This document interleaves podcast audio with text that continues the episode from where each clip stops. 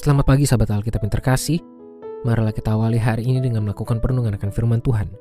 Bacaan Alkitab kita pada hari ini berasal dari Galatia 3 ayat 1 sampai 5. Hai orang-orang Galatia yang bodoh, siapa yang telah mempesonakan kamu?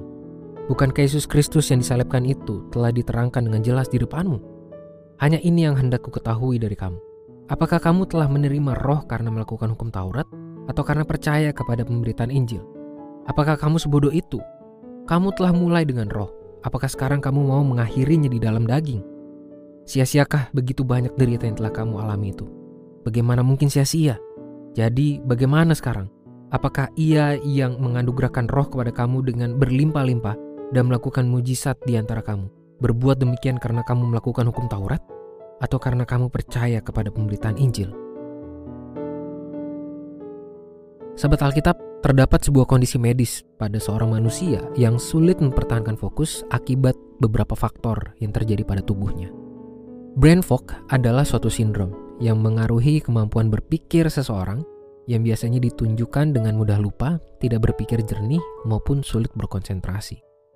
Brain fog telah menjadi bentuk nyata bahwa segala perilaku keseharian yang tidak sehat memang dapat mengganggu kualitas fokus pikiran hingga mengaruhi efektivitas seseorang dalam menjalani aktivitasnya.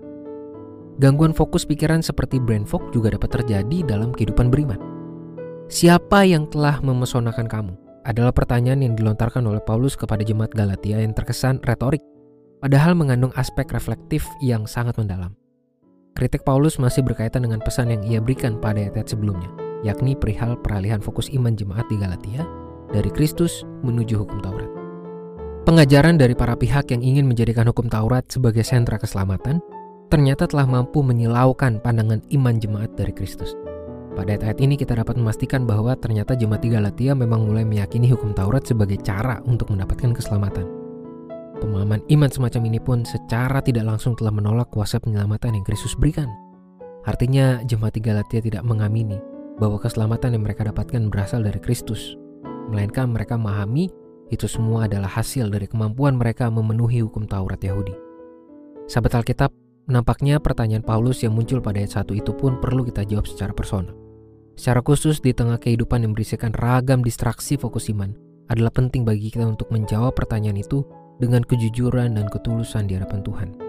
Selain itu, pertanyaan ini juga dapat menjadi sebuah indikator bagi kita untuk mengukur kualitas fokus iman kepada Kristus.